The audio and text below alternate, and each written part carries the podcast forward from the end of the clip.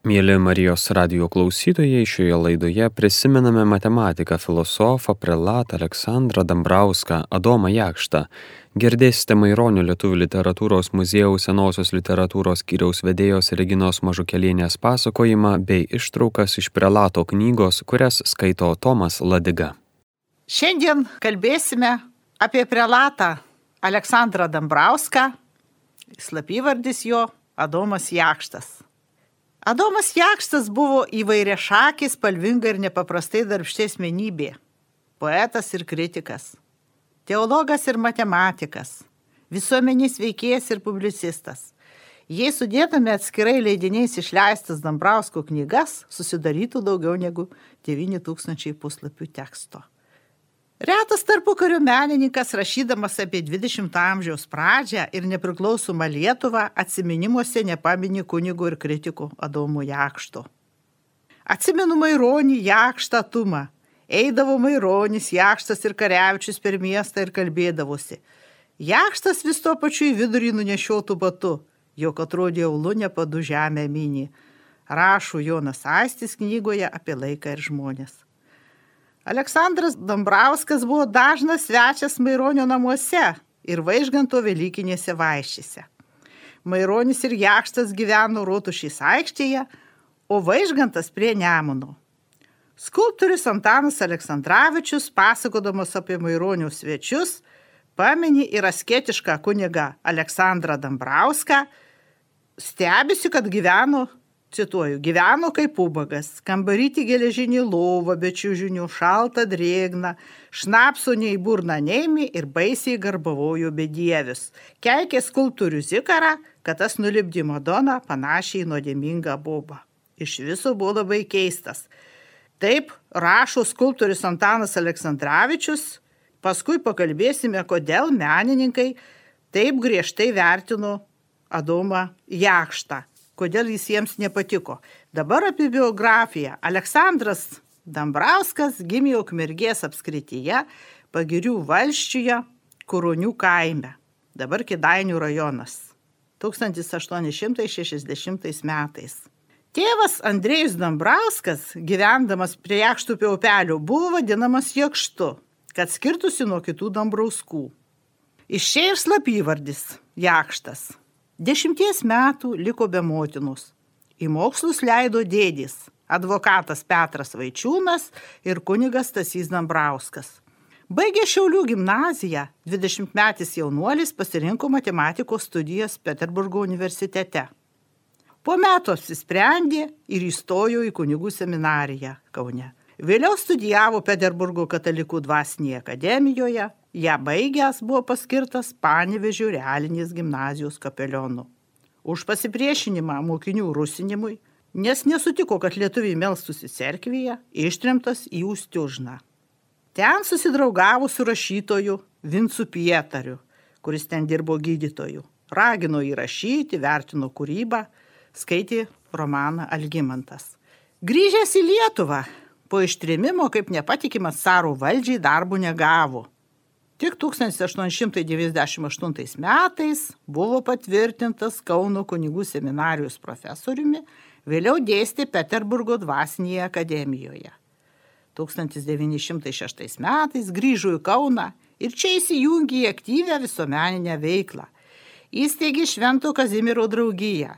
Ši leido ir pardavinėjo knygas visoje Lietuvoje. Adomas Jakštas buvo ilgametis šios draugijos pirmininkas. Įsteigė ir redagavo žurnalą draugyje. Ten stengiasi apžvelgti kiekvieną knygą. Rašė recenzijas. Rūpinosi rašybos ir kalbos klausimais. Įsikūrus Lietuvos universitetui buvo išrinktas garbės profesorium. Katalikų mokslininkų buvo išrinktas Lietuvos akademiku. Poeziją pradėjo spausdinti aušroje. 1884 metais. Išleido poezijos rinkinius - Dainų skrinelį, Nakties matymai, Rudens aidai ir satyrinių eilėraščių knygas. Poezijoje dominuoja religinės ir patriotinės temos. Dievo kūryba tobuliausia žemėje, o žmogus tai yra jos sekėjas, mažas kuriejėlis, taip teigia Jakštas. Patriotiniuose eilėraščiuose skatinama siekti mokslų, lietuviškų papročių, mylėti tėvynę, jos gamtą. Cituoju. Čia eilėraštis ačiū, ačiū. Ačiū Dievui už dosnumą jo gausingą, už pasaulio šio gražumą stebuklingą, už pavasarėlio žalio gėdrius rytus, už kvepėjimą darželio rasai kritus, už ošimą mūsų girių šimtamečių ir už garbę didžiavyrių. Ačiū, ačiū. Čia ilgas eilėraštis, tik tai pacitavau dalį kūrė ir satyrinius eilėraščius, literatūrinės parodijas. Diplomatas. Tiktų ir šiem laikam tas eilėraštis. Tai vyrutis pilnas taktų. Šis pasaulį nepražus. Moka niekinti mažus, prieš didžiūnus lenkia kaktą.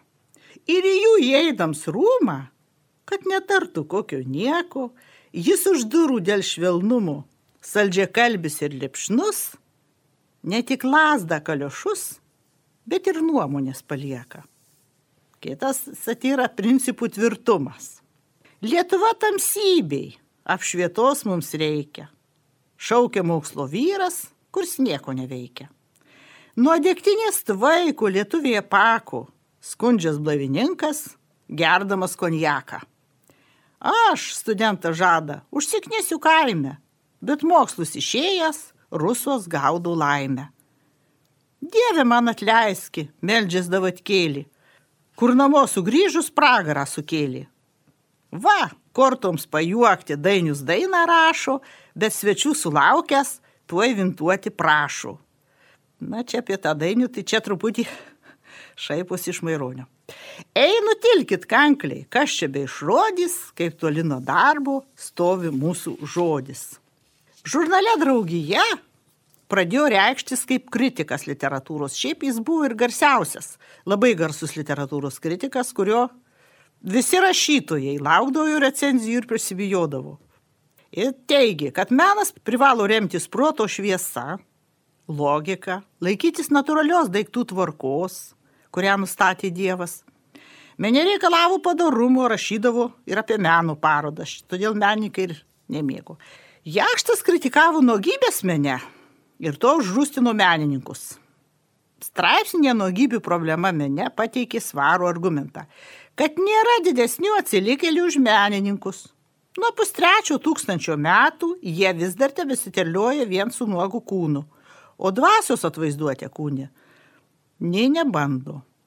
Prelatas mani, kad nuogybės užmuša menininką. Kritikas baiminusi, kad pozuotojus ir gatvė nuogus vaikščios, siūlė tapyti mirusių moterų kūnus, nes dorai moteriai įgimta drova neleidžia pozuoti nuogai. Taris gailėjo, kad moteris sušala pozuodamos, humanistas buvo. Vienužinskis apkaltino Jakštą, kad šis nori uždaryti meno mokyklą, naujai pražydusią meno įstaigą pasmaukti ir siūlo tapyti lavonus. Žodžių kišenėje nieškantis prelatas atsikirto Vienužinskiui. Piktinosi, kad meno mokyklose tvirkinami vyrai, moterys pavarksta, sušala ir žeminamos. Kritikuodavo taip pat modernius, ypač erotinius eilėraščius. Stilius skandus, sakiniai išmaištus, visi laukdavo recenzijų ir, ir bijodavo. Vertino Kazio Binkio kūrybą. Apie Binkį tai prašė.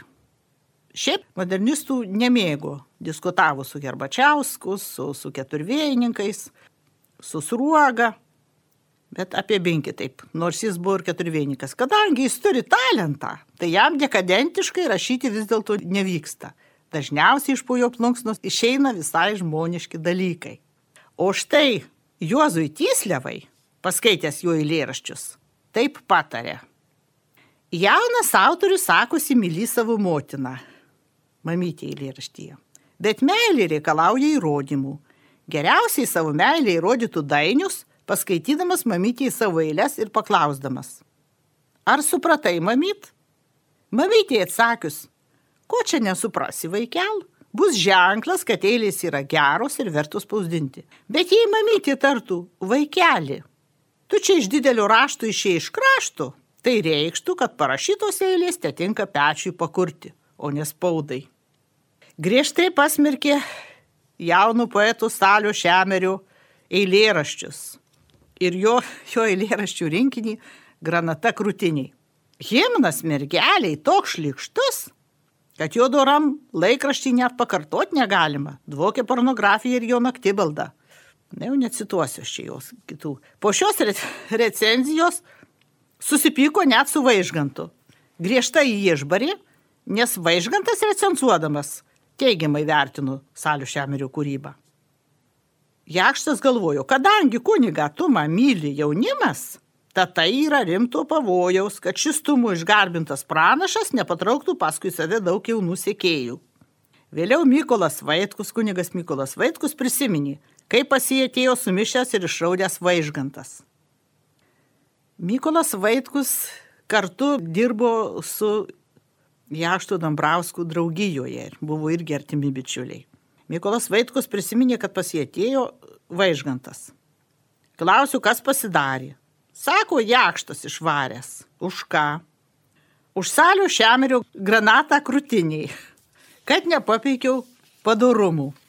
Išlikę pusiau anegdotiškų pasakojimų. Štai monsinjoras Kazimieras Vasiliauskas prisiminė. Dar seminarijoje būnant, mums kanauninkas Vaitkus pasakojo įdomų nuotykį. Tikrą ar pramanytą nežinau. Kai tik pasirodė altorių šešėlį, Putinas labai bijoja Sadomo jakštų, jo rūstybės. Ir štai kartą užeina jis pas Vaitkų ir sako, kad tik neteitų jakštas. Ne, nuramina šeimininkas. Jis labai retai užsuka. Ir staiga pro langą mato, atžygiuoja jakštas. Tada Putinas ėmė ir šoko pro langą, kad su juo nesusitiktų. Na, čia turbūt anegdotas. Buvo mada maištauti. Menininkai jo privengė, kritikuodavo. Jakštas žmogus buvo nuolaidus, atlaidus, tiesa umaus būdo, tačiau pykdavo labai neilgai. Duodavo alkoholikams pinigų, nors girtuoklių nemėgo, šelbdavo, elgetas.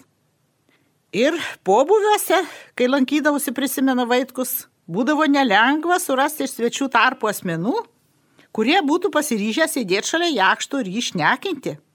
Apie ką su tokiu vyru kalbėti? Jis buvo netuščia žodžiautojas. Kas arčiau nepažinojo jo širdies, jo kuklumo, tai bijojo. Dažniausiai pobuviuose Vaitkus sodindavo jakštą šalia Unės Babitskaitis aktorės. Jie abu diskutuodavo apie meną, apie kūrybą, apie meno principus, aktorių spektaklius. Mėgo lankytis jų šeimoje, bendraudavau su Vytautu Greičiūnu, Unis Babitskaitis vyru. Ir Vaitkus mano, kad tai buvo žmogiškos laimės krisleliai jo gyvenime šie žmonės. Yra Maironio Lietuvių literatūros muziejuje saugoma dedikuota knyga didžiai gerbiamai aktoriai Uniai Bai. Kas įdomu, kad Adomas Jakštas vienas žymiausių visų laikų esperantininkų Lietuvoje. Studijuodamas Peterburgo dvasinėje akademijoje, sužinojo apie tarptautinės kalbos vadovėlį. Užsisakė iš Liudviko Zamenhofo knygą ir parašė jam pirmą atviruką esperantų kalba. Ištrimtas į Ustiužną, ten parašė vadovėlį lietuviškai mokintuvė tarptautiškos kalbos, daktaro aspiranto. 1890 metais asmeniškai bendravo su Liudiku Zamenhofu. Grįžęs į Kauną įkūrė Kauno aspirantininkų draugiją, leido žurnalą Lietuvos Stelo. Yra išlikę įdomus Pulgio Andriušio atsiminimai apie aspirantininkų sąjūdį. Kaip jis triūsdavo į, į laikraštį, į tą žurnalą Lietuvos Stelo, dėdavo vertimus iš įvairių lietuvių autorių ir taip populiarino Lietuvą visame pasaulyje, nes tas esperantininkai buvo visame pasaulyje populiarūs. Purgis Andriušis tuo metu gimnazistas pasakoja apie ūmų jakšto būdą, apie, apie jo darbštumą ir ūmų būdą. Vieną kartą kalbasi jakštas, Purgis Andriušis, gimnazistas ir Antanas Poška, esperantininkas keliautojas. Ir Poška netikėtai pasakė esperantiškai, Dievo neegzistas, Dievo nėra. Ir šeimininkas Jaštas taip supyko, kad esperantiškai grėbė pikdžužiautoje už pakarpos ir stūmė laiptais iš antro aukšto ir kad, kad tavo daugiau kojos čia nebūtų šaukdamas. Ir tos pačios dienos vakare, kadangi buvo susirinkimas esperantininkų, reikėjo reikalus aptarti, vėl abu atėjo, Pulgis Andriušis ir Antanas Poška. Jakštas vaišina visus sausainiais, visi kalbasi ir to ryto atsitikimo jis net neprisiminė. Toks buvo, toks jo buvo charakteris. Buvo jis ir matematikas. Yra parašęs matematikos ir logikos vadovėlių. Jokaudamas pasakojo žurnalistui Juozui Keliuočiui, kaip jis pamėgo matematiką. Šiaulių gimnazijoje mes turėjom piktą matematikos mokytoją, kuris nežinančius plūsdavo gražiausiais rusiškais keiksmais, kabutėse gražiausiais. Dubina, siol, parasionok. Norėdamas išvengti pravardžiavimo, Aleksandras atsidėjęs mokėsi matematikos. Ir vėliau taip šis dalykas jam patiko, kad baigęs gimnaziją įstojo fizikos matematikos fakultetą. Peterburgo universitete. Bet po metų persigalvojo ir pasuko į kunigo kelią. Maironio Lietuvų literatūros muziejuje saugomame Jakšto archyve yra straipsnių matematikos temomis, su brėžiniais, formulėmis, prakalba matematikos vadovėliui. Ten jis pats aiškina toj prakalboj, kodėl jam poetui ir kritikui, filosofui rūpėjo matematika prisipažįsta, kad rašė vadovėlį sunkiu karo metu, ramioj matematikos rytį ieškojo protų ir širdžiai atilsio. Ir sėdavosi matematika jam atitraukdavo nuo blogų minčių. Pabaigoje kukliai sako, dirbau kiek galėjau ir ko trūksta te padaro jaunesnis ir gabesnis už manęs pėkos. Pirmą eilėraščių knygą išleido 1894 metais. Po metų pasirodė ir Maironio pavasario balsai. Maironis poemoje Jaunoji Lietuva šalia kitų herojų mini ir jakštą, bei jo knygą Dainų skrinelį. Cituoju. Bet jakštas dainuoti daręs skrinelę, į žmonės paleidęs, norėjo joms kelią, kad tikras pravestų artistą. Jie salėse būtų taip miela parodžius, Ik šiol te dainuojamos buvo pusodžius ir platinos per vargonistą. Lietuva.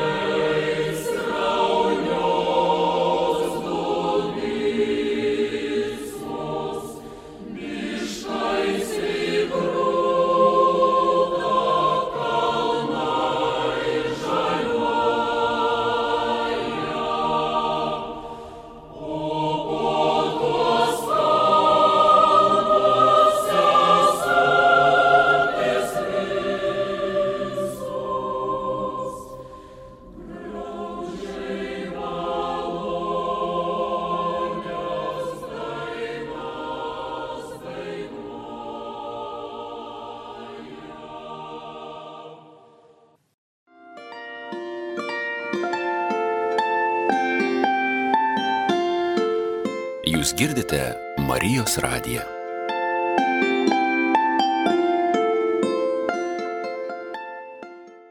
Maironis bendravo su Jakštu ir dažnai abu svečiuodavosi vienas pas kitą, nors charakteriai jau buvo skirtingi.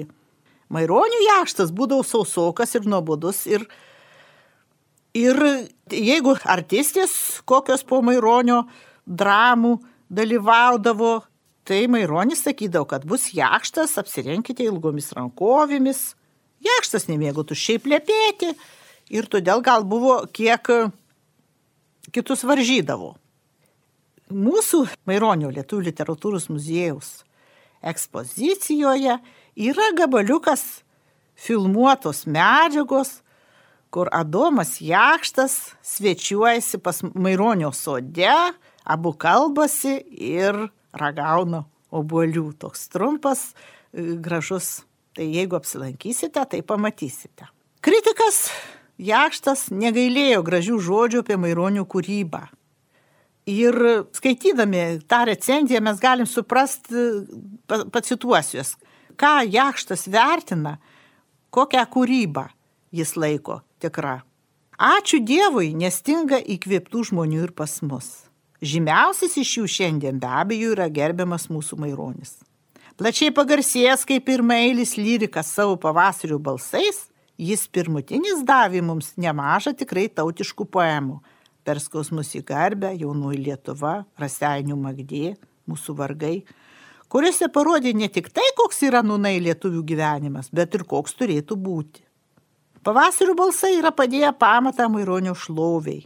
Jie daugiausiai mūsų publikos skaityti, dažniausiai vakaruose deklamuoti, mieliausiai muzikų harmonizuoti ir chorų dainuoti. Tad tai ir nenuostabu, kad trumpų laikų jų ir išėję penki leidimai, paties dainiaus vis taisomi, tobulinami ir papildomi. Pastarajame penktame dainų skaičius privesta iki šimto.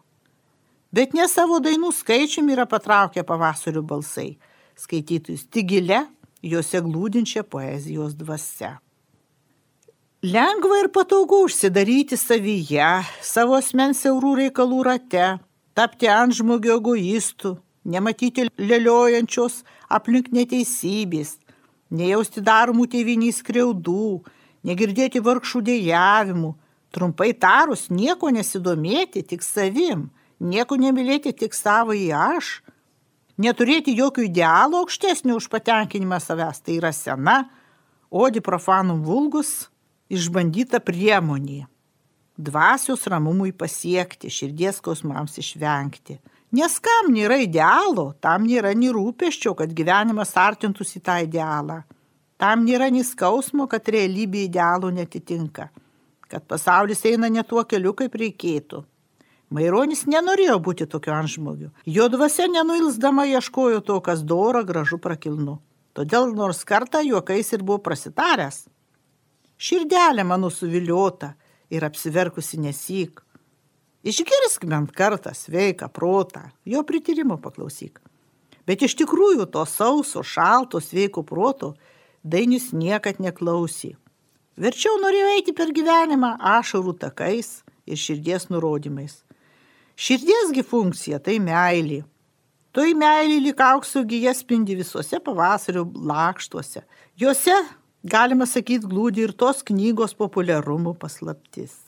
Nesiai teisingų vieno rašytojų pasakymų, knygos neišėjusios iš meilės nesusilaukia meilės, tai yra atvirkščiai. Veikalai iš meilės gimę randa meilės ir skaitytojuose. Pirmoji Maironio meilė buvo jo tėvinė Lietuva. Yra išlikę Jakšto Dambrauskų rašytų laiškų Maironiui. Raštas rašė labai smulkiu braižu. Ir kas čia įspūdingiausia, abu vienas kitą vadino vardais. Brangus kunigė Jonai, kreipėsi vardu, atvirlaiškyje rašytame į Peterburgą iš Kauno. Mes vartydami Maironio laiškus ir atvirukus išlikusius archyve Rasime pagarbius kreipinius, mylimas kanauninkė, didžiai gerbiamas pralotė. Ir tik nedaug jaunystės draugų vadino jį vardu. Ir Maironis rašydamas kunigė, mielas kunigė Aleksandrai, dažniausiai rašo arba. Jakšto rankraščiai rašyti ant gelsvo popieriaus juodų rašalų ir tokiu smulkiu šriftu, kad vos galima įskaityti. Liudas Dambrauskas, Jakšto brolio Pranciškaus sūnus, pasakoja, kad dėdė blogai matęs. Tai ir ką tai liudyja tas smulkus raštas? Smulkus raštas liudytų asmenybės kuklumą, norą išlikti nematomam. Tačiau rašysena tvirta, tvarkinga, net 73 metų rašė, nedrebančia ranka. Yra išlikusių laiškų brolio sūnui Leonardui Dambrauskui, vėliau karbininkui Dambriūnui ir jau minėtam Liudui Dambrauskui. Kaip geras dėdė, Adomas Jaštas Dambrauskas leido į mokslą savo brolių sūnus. Ir išlikę susirašinėjimai. Ir tuose laiškuose mes matome jo, jo logišką mąstymą. Pacituosiu laišką. Pagarbų kreipinį su tiems brolio, brolio sūnums abiem ir kaip mini straipsniai kai kurie laiškai. Štai yra laiškas Leonardui Dambrauskui, kur prieš tai prašė, matyt, tikriausiai klausė, ar verta skaityti Ruso veikalus. Jeigu matome, jeigu gimnazistas diskutavo su dėdė apie tai, ką jam skaityti, tai galima suprasti, kaip jį gerbė, jeigu būtų bijojęs arba varžęsis, tai būtų nesakęs, kas skaito. Bet štai čia ir diskutuoja dabar, rašo apie Ruso. Mielas Leonardai, Kas klausia, rečiau klysta. Gerai, kad dabar klausi, bet dar geriau būtų buvę, jei būtum paklausęs manęs prieš pradėdamas skaityti ruso veikalus. Jie bažnyčios nebe pamatų laikomi blogiu ir todėl įtraukti į draudžiamųjų knygų sąrašą. Dėl to kiekvienas katalikas, gerbęs katalikų bažnyčios drausmę, tokių veikalų kaip Ruso Emilis ir kiti be svarbios priežasties neskaito. Dabar aiškina, kataliko santykiai su knygomis turi būti ne kitokie, tik vien katalikiški. O kadangi knygų esame gerų ir blogų, tad tai kataliko pareiga yra rinktis vien gerasias. Tų gerųjų knygų įvairiomis kalbomis yra tiek daug, kad net skaitydami jas dieną ir naktį per visą gyvenimą niekada nesuskupsime visų perskaityti. Neprotingi būtumėm, jei negalėdami visų gerų knygų perskaityti, griebtumėmės blogų knygų. Katalikas skaitas blogas knygas panašus į girtuoklį, patekusi aptiekon ir ėmusi ragauti pailiui visokių vaistų, tame skaičiu ir nuodų. Roso veikalai nemažesni nuodai dvasiai. Tas rašytojas, kad ir turėjo talentų, bet tikybos atžvilgių buvo ateistas. Jis buvo linkęs laikyti visas religijas geromis lygiai kaip dabar bolševikai, visas religijas blogomis. Tiesa yra vidury. Yra viena tikra, nes Dievo įsteigta religija. Ir yra daugybė religijų daugiau ar mažiau nuo tikrosios nutolusių. Žmogaus išganimas - kitas klausimas. Jis pareina ne tik nuo religijos, bet ir nuo žmogaus sąžinės. Nes matyt, diskutavo Leonardas apie žmogaus išganimą iš Ruso, Ruso knygų. Išganimas tai dviejopa paslaptis Dievo ir žmogaus. Kuri yra tikra religija, mes galim sužinot, bet ar tas ar kitas žmogus bus išganytas, mes niekada negalim būti tikri. Žmogaus išganime nusveriančią rolę vaidina paskutinės žmogaus gyvenimo valandos. Žmogus juose gali gauti ir ypatingą dvasius ir sąžinės nušvietimą ir pats, sukaupęs paskutinės sielos jėgas, gali padaryti dorovingų tikėjimų vilties, meilės ir gailėsių aktų, ką ir matome iš gerųjų latrų pavyzdžių. Laiškas ilgas, dar ten diskutuoja, pedagogiškas, aiškus, logiškas, pagarbus. Ir pasirašo tave mylys dėdė, prelatas Dambrauskas. Dar apie, jau čia gal ir per ilgai išneku, apie dienos režimą. Keldavosi gerokai prieš saulės tekėjimą, skaitydavau brevijorių, 6-7 val. pusryčiaudavau, gulti eidavau dar su saulė. Mėgau pasivaikščioti po mišką laukus, visko domėjosi, klausinėdavau kokie karvių vardai. Atmintis buvo nepaprastai gera, viso kaimo pavardės žinojau. Tai toks įdomus, spalvingas žmogus buvo prelatas Dambrauskas Jakštas. Prelatas Dambrauskas mirė Kaune 1938 metais. Gražiai.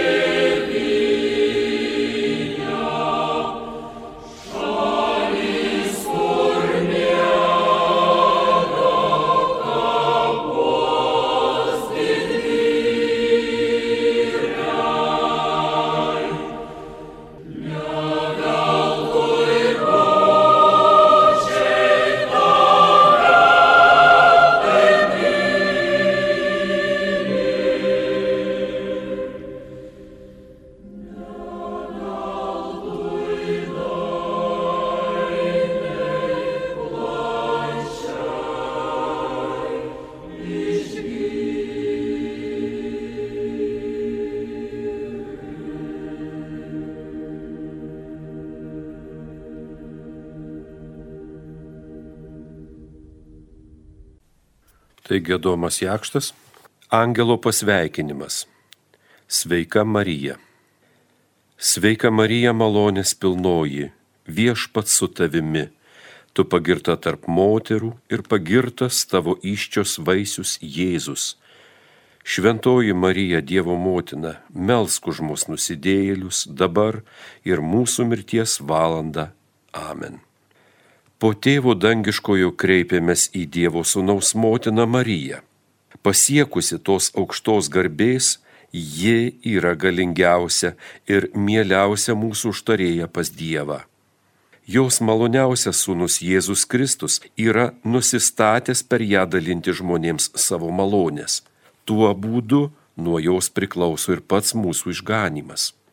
Atsižvelgdama į tai, katalikų bažnyčia yra sustačiusi gražiausią maldą į Mariją ir ragina savo vaikus kalbėti ją tuo jau po tėvę mūsų.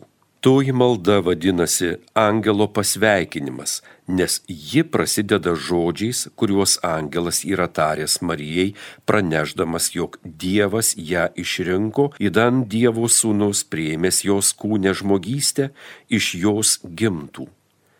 Po tų angelo žodžių eina toliau toje maldoje Elžbietos sveikinimas Marijai pas ją apsilankius. Baigėsi ši malda keliais bažnyčios pridėtais žodžiais.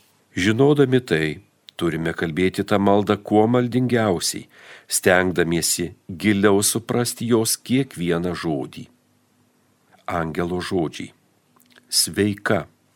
To žodžių prasme yra dviejopa jis vartojamas ir artimybei, ir pagarbai reikšti.